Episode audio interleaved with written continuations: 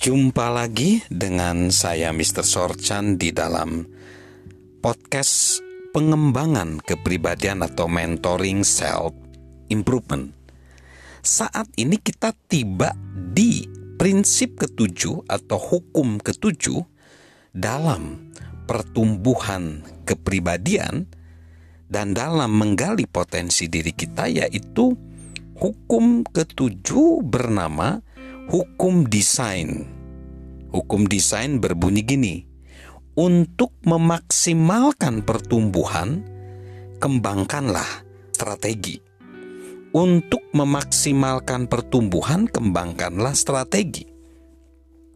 Jim Rohn, seorang speaker terkenal bertaraf internasional, berkata, "Jika Anda tidak membuat rencana kehidupan Anda sendiri, kemungkinan besar Anda akan terperangkap dalam rencana orang lain. Dan coba tebak, rencana apakah yang mereka buat untuk Anda? Tidak banyak. Dalam setahun, apakah yang menjadi waktu favorit kita? Apakah liburan hari raya? Apakah ulang tahun? Ataukah saat musim-musim bunga bermekaram? Seperti di negara empat musim yaitu musim semi. Atau liburan di musim panas. Atau saat anak-anak kita kembali bersekolah. Atau dimulu dimulainya musim pertandingan sepak bola, atau saat dedaunan berubah warna. Kapan? Kapan mungkin banyak orang bersemangat ketika liburan hari raya, khususnya di Indonesia seperti kita. Sahabat Mr. Sorchan, kita saat ini akan belajar satu tema yang berjudul menoleh sekilas ke belakang, membuat rencana ke depan. Menoleh sekilas ke belakang, membuat rencana ke depan. Pada suatu sore di hari liburan, setelah cucu-cucu dari John C. Maxwell selesai membuka semua hadiah yang mereka berikan dalam hari raya, dan sesudah semua kehebohan mereda, John C. John C. Maxwell tidak dapat menahan diri karena dia tahu bahwa itulah saatnya untuk salah satu hal yang paling menyenangkan bagi dia dalam setahun. John menyelinap diam-diam ke ruang belajarnya sementara orang asik menyaksikan acara TV atau sekedar tidur-tiduran. Di atas mejanya telah menanti kalender kerjanya selama tahun yang baru saja dijalani dan sebuah buku catatan. Sejak sore itu dan berlanjut hingga sepekan kemudian, saat malam tahun baru John menghabiskan waktu untuk memeriksa kalendernya.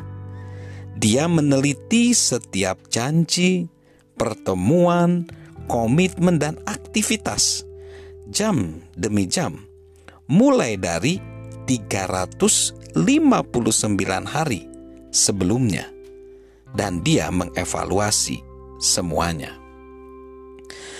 John C. Maxwell memperhatikan dengan seksama aktivitasnya sebagai seorang speaker, pembicara, dan memikirkan jika dia dapat melakukan hal yang lebih baik lagi, apa yang seharusnya dia kurangi, dan apa yang seharusnya tidak perlu dia lakukan sama sekali.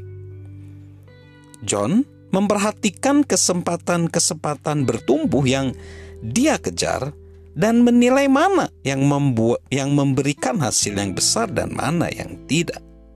Dia memperhatikan semua rapat dan pertemuan yang dia hadiri dan memutuskan mana yang seharusnya dia lakukan lebih sering dan mana yang seharusnya dia hapus.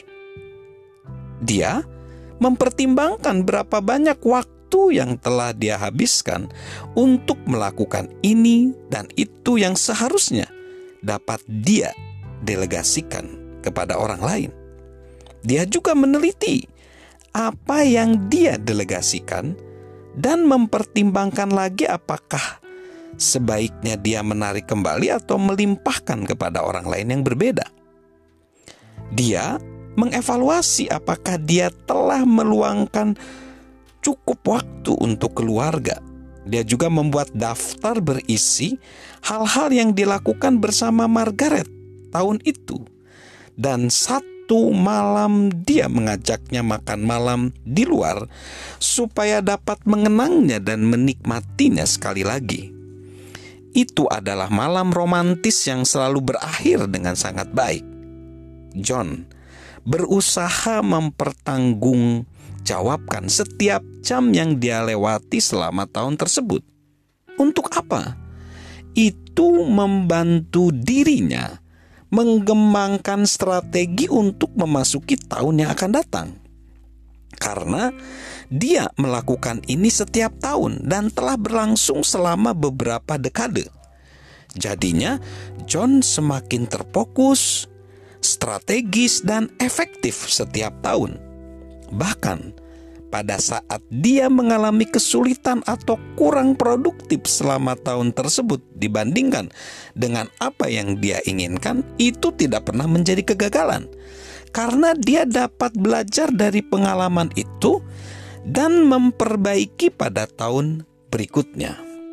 Sahabat Mr. Sorchan, menjadi pribadi yang strategis tidak dapat ditukar dengan apa pun. Untuk memaksimalkannya, sahabat harus mengembangkan strategi. Itulah bunyi hukum desain. Kita akan belajar ke depannya di podcast mentoring self improvement bersama dengan Mr. Sorchan. Salam sukses luar biasa, salam sehat selalu dari saya, Mr. Sorchan.